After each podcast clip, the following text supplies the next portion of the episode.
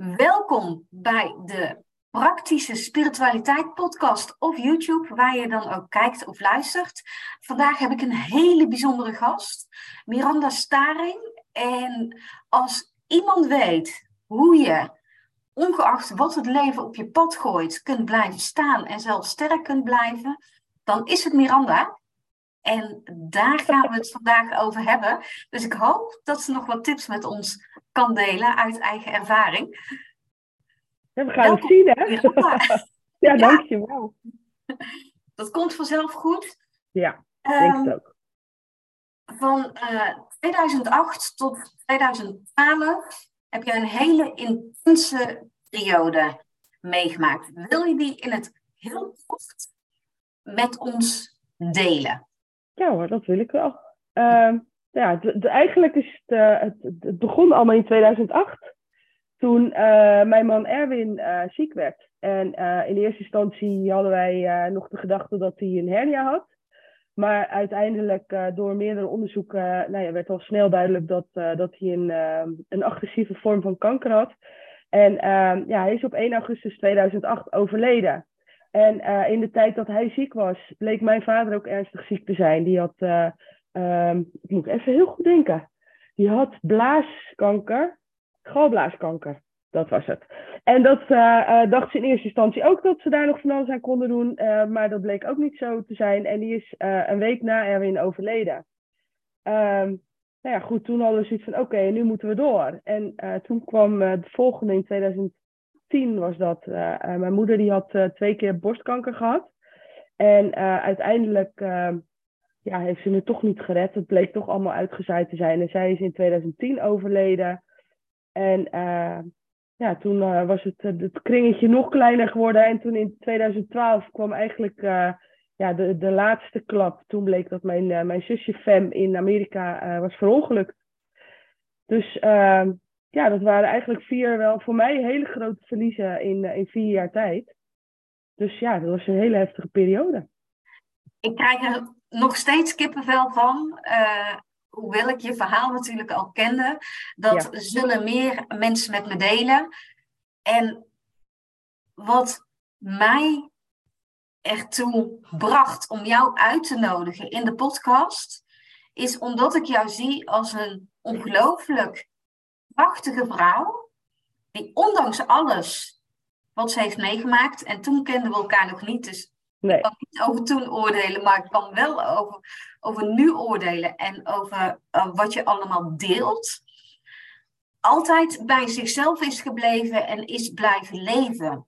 Hoe heb je dat gedaan? dat vragen heel veel mensen aan mij. Ja. Ja, ik kan me voorstellen dat het die eerste periode uh, dat Erwin ziek was, dat het ook een stuk overleven is geweest. Of heb je dat gevoel nooit gehad?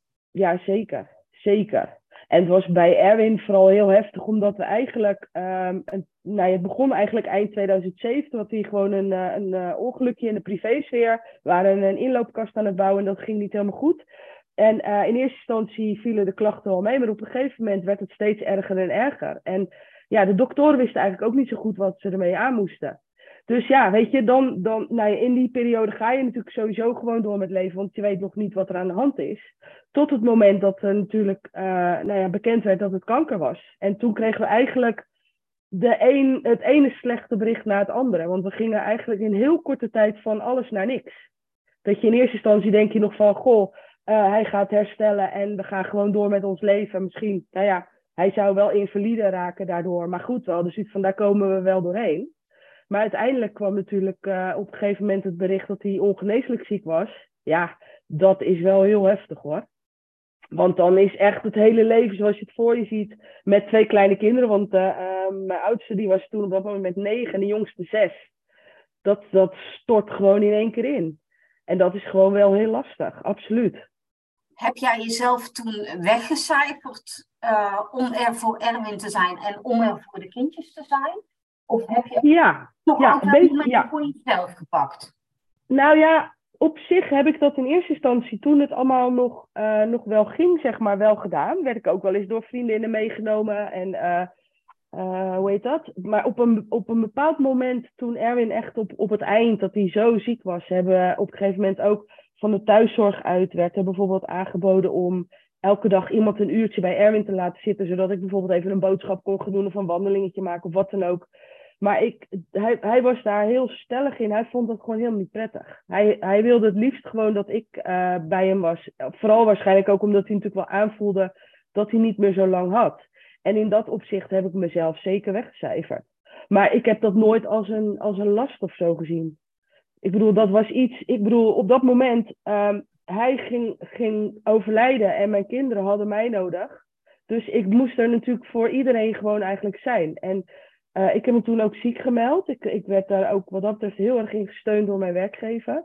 Dus ik had ook gewoon de tijd om uh, er voor iedereen te zijn.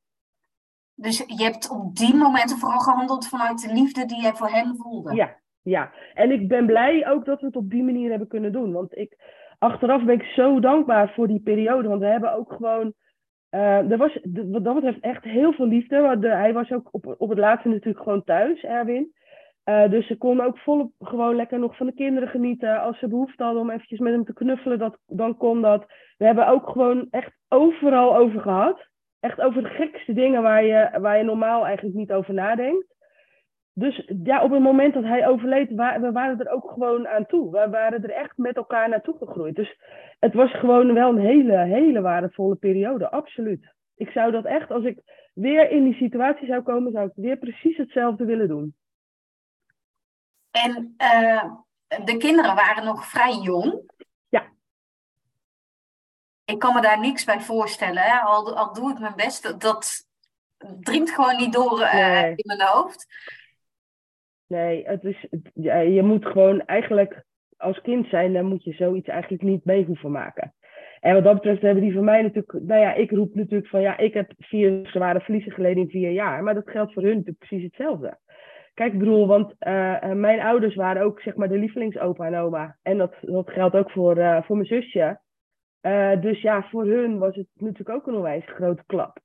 En, en het feit dat je als, je als je zes en negen bent en je moet je vader missen. En um, ja, je weet natuurlijk sowieso als je zo klein bent helemaal niet hoe zoiets eraan toe gaat en, en wat je daarmee moet. Dus dat, dat was echt wel voor hun zeker wel heel, heel heftig ook, absoluut.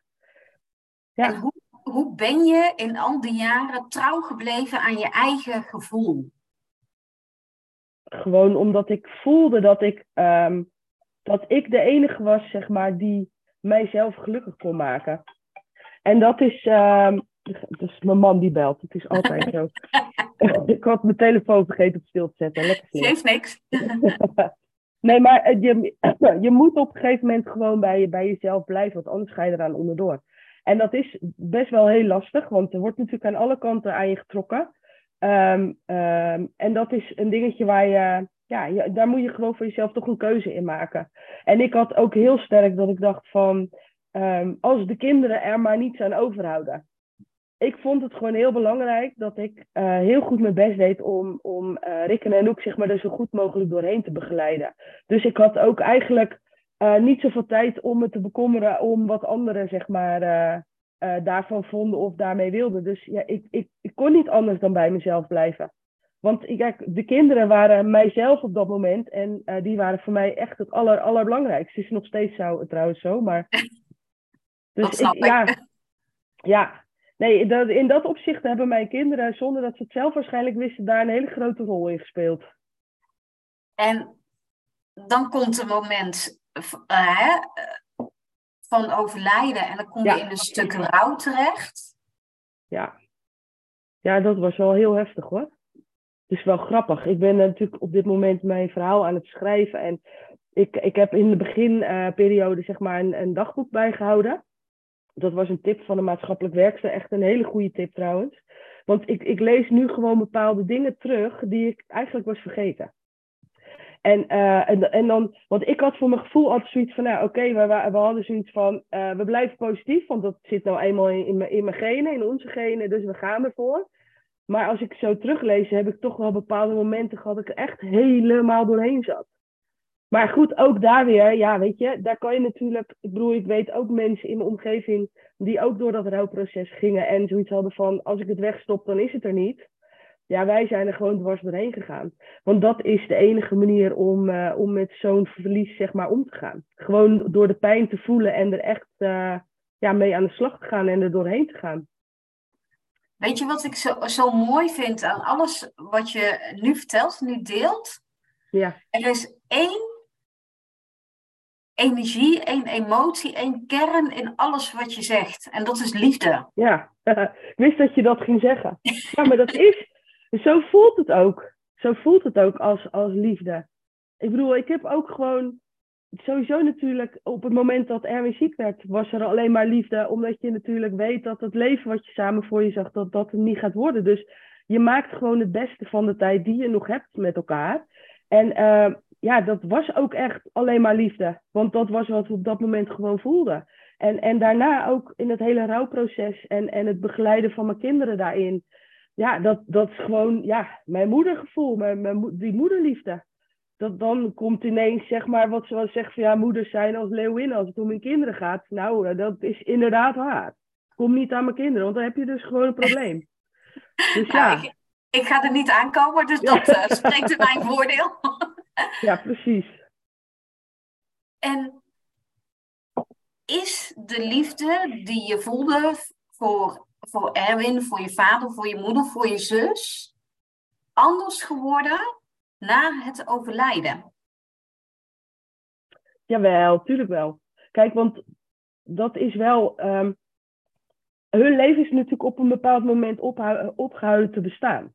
En uh, de liefde die je voelt is voor de mensen die zij op dat moment waren. En ik bedoel, wij zijn natuurlijk doorgegaan. Ik bedoel, ik ben inmiddels weer uh, opnieuw getrouwd natuurlijk met Onno. Um, dat was iets wat Erwin ook heel graag wilde. Dat heeft hij ook tegen me gezegd. Van, ga niet uh, denken van, ik heb hem eeuwig trouw beloofd, dus ik moet altijd alleen blijven. Zegt, je bent nog hartstikke jong. Ga gewoon, op het moment kom je vanzelf alweer een leuke vent tegen. Ga ervoor. Dus kijk, dat, dat is dan weer natuurlijk gewoon, ja, Onno is nu mijn nieuwe liefde. Maar dat betekent niet dat, uh, dat ik Erwin bijvoorbeeld vergeten ben. Dus die liefde voor hun is er nog steeds. Maar wel de liefde die ik voelde op het moment dat zij er nog waren. En dat is iets waar ik, ik bedoel, ik had wat dat betreft uh, natuurlijk ook een onwijs goede band met mijn ouders en mijn zusje. Uh, dus dat is iets wat ook nooit meer zal overgaan, die liefde. Want omdat ik altijd met warme gevoelens, zeg maar, aan ze terugdenk. En zijn er dan ook momenten uh, geweest dat je echt hun energie, hun liefde bij jezelf opriep en daarmee verbinding maakte, op welke manier dan ook, om jezelf kracht te geven om door bepaalde stukken heen te gaan? Ja, dat is grappig dat je dat zegt. Ik ben um, wat dat betreft wel, in de periode dat Erwin net was overleden, eh, voelde ik hem heel sterk bij me. En uh, dus wel grappig, want Rick, uh, mijn zoon, die had precies hetzelfde. Die vond het op een bepaald ogenblik ook een beetje enger. Want die zei van, ja, ik heb altijd het idee als ik s'avonds in bed lig dat papa naar me staat te kijken. En, en ik had op dat moment ook heel erg dat ik zijn energie voelde. Uh, en ik ging in die tijd, ben ook een aantal keer bij een medium geweest. Maar ik ken ook iemand van vroeger, die is paranormaal healer. zij magnetiseert, ze werkt met gidsen, ze brengt dus echt maar ook je energiebanen weer in balans. En zij zei ook altijd tegen mij van als jij hier komt, je hebt altijd een hele batterij aan beschermengels bij, uh, engelen bij je. Waaronder bijvoorbeeld mijn moeder, want ze zegt, je moeder is er altijd. En ik heb echt in de jaren uh, die achter ons liggen heel vaak uh, momenten gehad dat ik dacht van, nu komt het nooit meer goed. En, en zij zei ook altijd tegen mij van, ga er maar vanuit dat je moeder jou beschermt. En al die anderen die ook bij jou zijn. En ik heb daarop leren vertrouwen. En dat, dat is ook, het is wel grappig, want het is ook altijd goed gekomen altijd op het moment dat ik dacht van en nu is het gewoon klaar en nou wordt het, komt het nooit meer goed, dan gebeurde er weer iets waardoor het toch weer goed kwam. Dus ja, heb, ik, je dat, heb je dat ook aan de kinderen over kunnen dragen?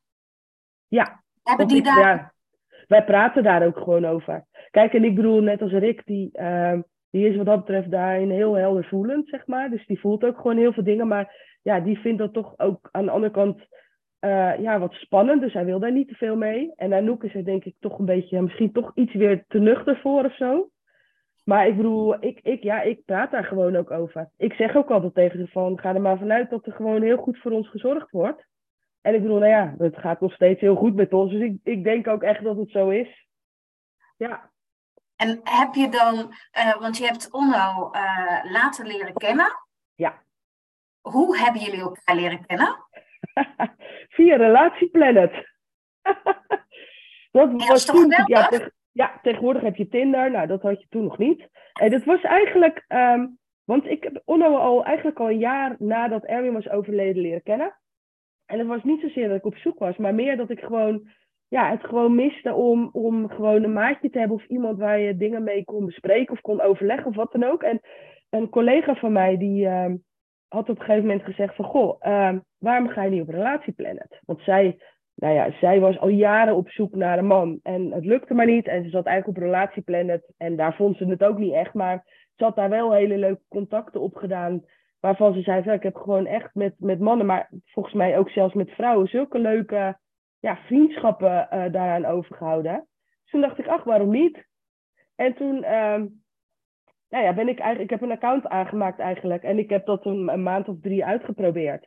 En Onno kwam op een gegeven moment voorbij. Uh, want ik kwam uh, naar voren bij hem als zijn match.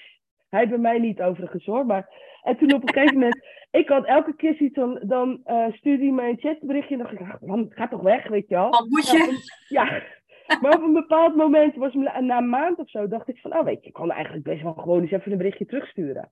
Dus toen raakten we min of meer een beetje in gesprek. En dat ging eigenlijk gewoon hartstikke leuk. En dat hebben we nog een tijdje zo volgehouden. En uh, het was eigenlijk op een bepaald moment, na drie maanden zo, loopt dan zo'n proefperiode af. En ik had zoiets van, nou, ik ga eraf. En hij had dat precies hetzelfde. En toen zei hij van, zullen we anders eens telefoonnummers uitwisselen? Nou, is goed. Dus dat hebben we gedaan. En we zijn dus allebei van Relatieplanet afgegaan. Maar we zijn dus wel uh, met elkaar in gesprek geraakt via de telefoon. En um, ja, we hadden gewoon hele goede gesprekken elke keer. En zo is het eigenlijk ontstaan. Tot we op een gegeven moment zei hij van, ik kom een bakje bij je doen. Ik zei, nou, is goed. En zo is het gekomen. En heb je dan ook het gevoel gehad dat uh, dat er door uh, je geliefden, en ik praat bewust een meervoud, die overleden waren, dat daar ja. Een beetje van doorgestuurd is? Of? Nou ja, dat is altijd zo grappig. Ik heb heel vaak van die situaties, bijvoorbeeld dingen die mijn kinderen doen, of die ik zelf meemaak, of bijvoorbeeld hoe Onno zeg maar is. Ik zeg tegen Onno altijd van je bent gestuurd door mijn vader. Hij heeft zoveel dingen van mijn vader die, die ik herken. En dat, ik, heb, ik zie dat bij mijn kinderen ook. Ik zie in Anouk heel vaak mijn zus. En uh, Rick is precies zijn vader. Dus ik, ik heb wel het idee dat zoiets inderdaad wel toch enigszins gestuurd wordt van boven. Ja, absoluut. Ik geloof daar heilig in. Ja. Dat is toch magisch mooi? Ja, ja ik vind het prachtig. ja, zeker. En eh, de kinderen en Onno? Ja, dat gaat heel goed. Vanaf wat wil je vragen, hè? Nou ja, nou ja, Anouk zeker wel. Um, Rick die had zoiets van, wat moet die vent hier? Maar ik had wel heel snel, ik zei, ja weet je Rick, uh, tuurlijk, we zijn nog steeds gewoon verdrietig om papa, maar op een gegeven moment uh, dan uh, zal het ook wel eens gebeuren dat er eens iemand in huis komt waar je misschien denkt van, wat moet ik ermee? Maar we, ja, weet je, we kunnen wel gewoon normaal natuurlijk doen. En toen had zoiets van, ja, daar heb je eigenlijk ook wel gelijk in. Dus in die kunnen gewoon ook hartstikke goed met elkaar opschieten. Oh, fijn. Dus ja, en Onno heeft ook altijd gezegd, weet je, hij zegt, ben niet ter vervanging van hun vader. Ze hebben ook nooit uh, de behoefte gehad om papa of zo tegen hem te zeggen. Het is gewoon Onno. Uh, maar hij zegt, ik hoop wel gewoon dat ik een goede vriend voor ze kan zijn. En ik denk dat je het zo ook gewoon moet zien. Dat ze ook naar buiten toe als mensen vragen van het hebben over je vader of zo, zullen ze nooit zeggen van het is mijn vader niet. Want dat, dat hebben ze nooit gedaan. Dus ze zien hem wel als vaderfiguur. Maar ik denk dat hij gewoon in, in de eerste plaats vooral gewoon een hele goede vriend van ze is. Ja. wel een vaderfiguur, maar niet de titel papa, omdat daar een hele emotionele lading op zit voor precies. Hem. Ja, precies. Ja, ik denk ook eerlijk gezegd, nou, het zal misschien in sommige situaties wel anders zijn, maar dat ze daar misschien ook wel weer dan een beetje te oud voor waren of zo. Hoewel, ja, Anouk was ja. zes. Nee, maar ik denk dat is gewoon, we hebben die, die insteek ook nooit gehad. Dat absoluut niet. Maar het was wel grappig dat toen uh, bijvoorbeeld mijn, uh, mijn zusje was overleden. Ja, die, was, die stond in mijn testament als zijnde voogd voor de kinderen. Voor het geval er met mij wat gebeurde. En toen zaten we op een gegeven moment in de auto en ik zat op de achterbank. En toen zei ik tegen Rick van... Ik zeg ja, ik zeg nou is tante Femmer niet meer om jullie op te vangen als er met mij wat gebeurt. Wat, wat moeten we nou? En ik had echt zoiets van, hè? Dan blijf je toch gewoon bij Onno wonen? Die had echt zoiets van, Waar, was, waarom vraag je dat nou? Dat is toch gewoon wel duidelijk? Waarom doe jij nou zo moeilijk eigenlijk? dus toen had ik op dat moment dat ik dacht van, oh kijk, dat zit, dan, dan zit dat in ieder geval wel goed. Dus dat, ik vond dat wel heel mooi inderdaad toen. Dus ja, dat, uh, en wij zijn dus ook toen ook uh, eigenlijk vrij snel, ja, het jaar daarop zijn we ook getrouwd. Omdat Onno ook zei van, dan is het gewoon duidelijk dat ze bij ons horen. Klaar. Zodan wat met jou gebeurt, dan uh, ben ik de, de volgende waar ze op kunnen rekenen. Dus dat, ja. Dat is heel mooi. Ja, vind ik ook. Ja, absoluut. Ja. En dan is er natuurlijk ook jouw persoonlijke groei die je door hebt gemaakt. Door alles wat je mee hebt gemaakt. En ja. uh, ieder mens wordt gevormd door wat, wat je meemaakt in het leven. Dus uh, hè, bij jou is dit dan je bagage. Wat heeft het allemaal op dat vlak veranderd? Zijn je dromen en je wensen anders geworden in het leven? Nou ja, sowieso. Maar dat komt denk ik ook omdat uh, ik natuurlijk nu met Onno getrouwd ben. Ik denk dat hij daar ook een zekere invloed op heeft. Ik bedoel, uh, mijn leven met Erwin zag er heel anders uit dan mijn leven met Onno nu. Maar ja, dat is natuurlijk ook logisch. Want het zijn natuurlijk twee heel verschillende personen. Maar ik denk dat de grootste winst voor mij ligt hem in mijn persoonlijke groei. Uh, en dat is ook wat ik, waar ik best wel mee gestruggeld heb, zeg maar. dat ik was van huis uit altijd gewend dat je rekening hield ook met anderen. Dat, ja, dat is nou eenmaal zo. Mijn vader zei ook altijd van, uh, als iemand hem een complimentje gaf, van, ah ja, weet je wel, altijd een beetje bescheiden. En ik heb dat op zich ook wel geërfd van hem. Uh, maar wat ik wel geleerd heb in, in al die jaren is om uh, vooral toch, nou ja, waar we het net al over hadden, ook bij mezelf te blijven. En daarin ben ik gewoon ontzettend gegroeid. Want waar ik het vroeger gewoon heel belangrijk vond, wat een ander ergens van vond, uh, heb ik daar nu eigenlijk gewoon uh, nou ja, maling aan. Ik doe gewoon waar ik zin in heb. En uh, als je het niet leuk vindt, ja, dat is dan jammer. Daar kunnen we het er gerust wel over hebben. Dat, is absoluut geen probleem. Maar uiteindelijk doe ik toch gewoon wat ik zelf wil. En daar heb ik, vind ik, voor mezelf zit daar gewoon mijn grootste groei. En daar ben ik wel heel blij mee, eerlijk gezegd hoor. Ja, ja voor, vooral voor jezelf natuurlijk. En waarschijnlijk ook voor je kinderen, omdat je nu een, ander, uh, een andere blueprint aan hen mee kan geven voor de rest van hun leven. Je geeft een ander voorbeeld dan wat je zelf gehad hebt. Precies, ja, klopt. Ik probeer het zo ook inderdaad gewoon wel te leren. Kijk, en nu zijn ze allebei volwassen, dus in principe zit, zit de opvoeding erop, min of meer. Maar goed, ja, je, je blijft leren van je ouders. Ja, ja, ja zeggen, je bent natuurlijk in dat opzicht nooit oud om te leren. Daar, daar ben ik natuurlijk zelf ook gewoon een levend voorbeeld van. Maar um, ja, ik probeer ze dat wel, uh, wel inderdaad bij te brengen. Dat ze dus gewoon lekker moeten doen waar ze, wat ze zelf leuk vinden. En dat is, uh, ja, ik vind dat wel heel belangrijk. Absoluut. Dat ze gewoon uh, iets, ook gewoon qua beroep en zo. Ze hebben allebei bijvoorbeeld een keer een switch gemaakt qua school. Uh, dat ze ook zoiets van, ja, ja, kan dat wel? Ik zeg, tuurlijk kan dat. Als jij, je mag allemaal een verkeerde keuze maken. En dat is heel jammer, want je raakt er een jaar door kwijt. Maar ga dan gewoon kijken van, wat wil ik dan wel? En nou ja, goed, Rick is toevallig nu net afgestudeerd. En Anouk uh, komt volgend jaar dan van school af. Maar ze doen wel allebei iets wat ze graag willen. En wat ze, waar ze zelf voor hebben gekozen. En dat vind ik wel heel belangrijk. Dus wat dat betreft, ja, ik uh, denk dat we da daar zeker wel ja, hele mooie stappen, stappen maken, absoluut. En, en wat je zegt persoonlijke groei? Ja.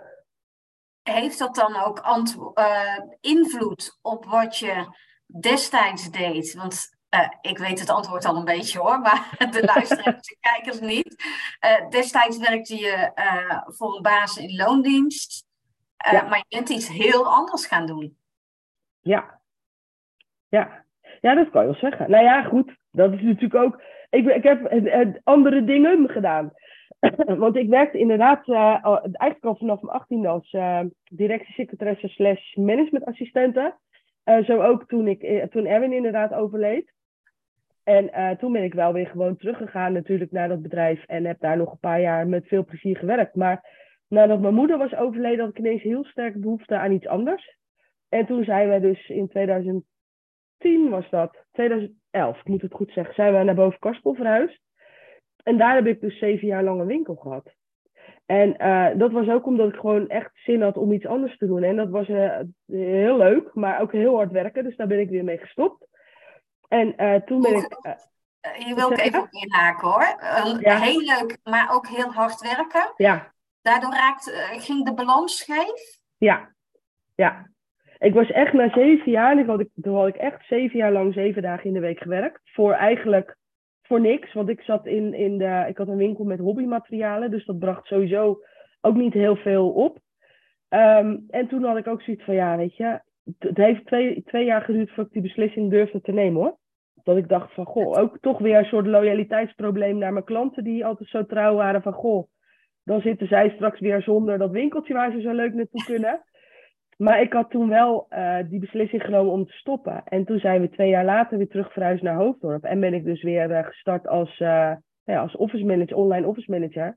Maar met altijd in mijn achterhoofd de gedachte van ik wil iets met dat rouw gebeuren doen. En daar ben ik nu dit jaar dus op 1 augustus mee begonnen. Ja, maar dus ik...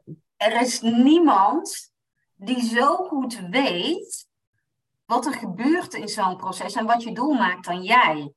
Want jij bent niet enkelvoudig ervaringsdeskundige, maar je bent gewoon viervoudig ervaringsdeskundige. Ja, dat kan je zeggen, ja. Ja. En dat, uh, ja, dat is een. Uh, je had hem waarschijnlijk liever niet gehad, maar dat is een uh, schatkist aan ja, ervaring en kennis en tips en tricks die jij te delen hebt. Ja, dat, ja, dat denk ik wel inderdaad. Ja. Nou, ja, vooral inderdaad, dat, eh, waar we het natuurlijk de hele tijd al over hebben. Het gewoon toch, uh, ondanks die vier zware verliezen, het toch overeind blijven en doorgaan.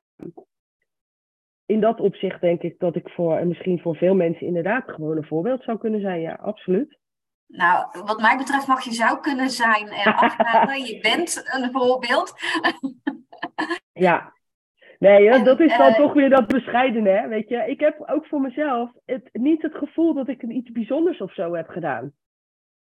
Dat, dat is het, weet je. Je kan natuurlijk daar heel erg uh, bij nadenken. Maar ik bedoel, ik, ik kon niet anders. Ik had die twee kinderen, hè? Dus ik moest gewoon wel verder. E, even, hè, mensen die nu luisteren, die zien mijn ogen niet. Die, die rolden bijna uit mijn kassen bij de uitspraak van... Uh, ik, heb niets, ik vind niet dat ik iets bijzonders heb gedaan wat naast liefde namelijk iets is wat ik in uh, jouw verhaal hoor, is een ongelooflijke levenskracht ja. en uh, een, een drive, uh, gevoed door de kinderen, om er hoe dan ook, linksom, rechtsom, altijd het beste uit te halen. Ja, dat klopt. En dat doet echt niet iedereen in die situatie na. Nee, dus dat geloof ik. Dat geloof je, mag, je mag veel meer beseffen dat het toch echt wel bijzonder is wat je gedaan hebt. En juist omdat je verwoordt, ik vind het niks bijzonders, weet iedereen dat die energie 100% klopt. Ja. Ja, er loopt even iemand door het beeld. Oh, dat maakt niet uit. Dat heb je zelf niet eens door, denk ik. Nee, maar je zegt al, ja, ik heb het gewoon gedaan. En vaak die dingen die we gewoon doen, zijn voor anderen juist zo bijzonder. En dat bijzondere verhaal ben je nu ook aan het optekenen. Ja, klopt. Ja. Ga je het boek ook uitbrengen? het is wel een plan wat ik heb dat is ook inderdaad zo'n droom die ik al, uh, al jaren heb, inderdaad, om een boek te schrijven. Dus ja, ik heb ook voor mezelf op de een of andere manier al in mijn hoofd hoe het eruit moet gaan zien en zo, maar het moet het inderdaad nog wel gaan doen. En kijk, nu pak ik natuurlijk elke keer stukjes. En uh, hoe heet dat? Als ik natuurlijk echt een boek ga kan het wat uitgebreider. En, en daar moet ik wel natuurlijk gewoon heel goed over nadenken en een plan voor maken. Dus ja, wat dat betreft, uh, het, ik, ik hoop dat het boek er komt. Het lijkt me echt heel gaaf gewoon ook als soort nalatenschap voor mijn kinderen of zo. Als, als iemand nu luistert of kijkt en zegt: Ja, ik wil je helpen met het boek en ik zorg dat het in de markt gezet wordt. Ja. Waar kunnen ze je vinden? nou, je kunnen me gewoon natuurlijk benaderen via mijn website. Moet ik hem, zal ik hem even noemen? Ja, graag, anders weten ze het nog nou, niet. Het is, heel, uh, heel makkelijk. Het is gewoon mirandastaring.nl. Dat is mijn website en daar staan ook alle contactgegevens. Dus uh, ja, kom maar door. Ik ben er klaar voor. Nou, ik heb zelf bedacht, volgend jaar, 1 augustus, is het 15 jaar geleden dat, uh, dat Erwin is overleden. Ik had echt voor mezelf, ik dacht van, hoe gaaf zou het zijn als je op die dag bijvoorbeeld dan dat boek zou kunnen uitbrengen. Dat lijkt me echt fantastisch. Ja, dan mag je gaan schrijven. Ja, nou ja, ik ben natuurlijk al begonnen. Maar dan eh, moet ik inderdaad wel nog regelmatiger en, en toch nog wat uitgebreider inderdaad. Ja, want stukken van je verhaal kunnen mensen nu al lezen op Instagram. Ja, klopt. En daar, als ik het goed zeg, is het daar ook Miranda Staring? Ja, klopt er ook. geen puntjes of streepjes tussen, hè? Weet je, ik dat niet eens weet. Nee, volgens mij niet. Volgens mij is het gewoon aan elkaar vast zal ik even spieken. dat, dat is het mooie. Dat, eh, dat, eh, dat kan allemaal gewoon. Ik zou. Uh, ja, er zit een underscore tussen je voor. Oh, een underscore. Zie je? Dan heb ik waarschijnlijk ooit al eens een keer, misschien een keer Miranda Staring gedaan, zonder iets ertussen. En nu moest ik natuurlijk wat anders. Ja. Ze onthouden alles hè, op, de, op internet. Ja, dat, dat uh, daar ontkomen we niet aan. Nee, precies. En vrouwen die in vergelijkbare situaties zitten, die kunnen jou via deze kanalen natuurlijk vinden en uh, jouw hulp inroepen. Ja. Maar als je aan hen, want het kunnen natuurlijk ook mannen zijn, laten we die niet uitsluiten, maar als je aan iemand in een dergelijke situatie drie tips zou mogen geven, wat zijn ze dan? nou, de eerste tip uh, is gewoon, uh, nou ja, ik, dat staat ook op mijn, in mijn, uh, hoe noem je dat? In mijn profiel natuurlijk, je hoeft het niet alleen te doen. Dus als het gewoon niet lukt, schakel hulp in. Dat ben ik dan. nee, ja, en, en gewoon ook praten erover. Uh, heel veel mensen die en dat is ook, ik heb het op mijn website ook staan. Heel veel mensen denken ook dat ze na verloop van tijd er niet meer over mogen praten. En, en juist dat is heel erg belangrijk, dat je er juist wel over blijft praten. En um, dus, dus hou het niet voor jezelf. Dat sowieso niet. Ga gewoon wel mee naar buiten, want uh, als je het voor jezelf houdt, maak je het alleen maar erger. Nou ja, en dus inderdaad van uh, zoek hulp. Jeetje, de derde, dat is een goede zeg. Deze had je van tevoren nou even aan me voor moeten leggen. Dan had ik erover na kunnen denken. Goh. wat, ik, wat ik dan aanvul als de derde, en eh, je mag er zelf ook nog één noemen hoor. Ja. Maar dat is echt, blijf, blijf van jezelf houden. Ja, ik wilde hem inderdaad, dat ik wou zeggen van, eh, vooral blijf, blijf bij jezelf. En inderdaad, blijf van jezelf houden. Dat is gewoon echt het allerbelangrijkste. Want er zijn uh, heel veel mensen die uh, in zo'n situatie denken dat zij weten wat het beste voor jou is, maar dat is niet waar. En tuurlijk zullen er echt wel mensen zijn waar, die tips geven waar je absoluut wat aan hebt. Maar uiteindelijk ben jij de enige uh, die door zo'n rouwproces heen kan. En, en wat ik ook dus nog als extra tip wil meegeven, stop het vooral niet weg. En het doet echt heel erg veel pijn om door, de, door dat verdriet heen te gaan.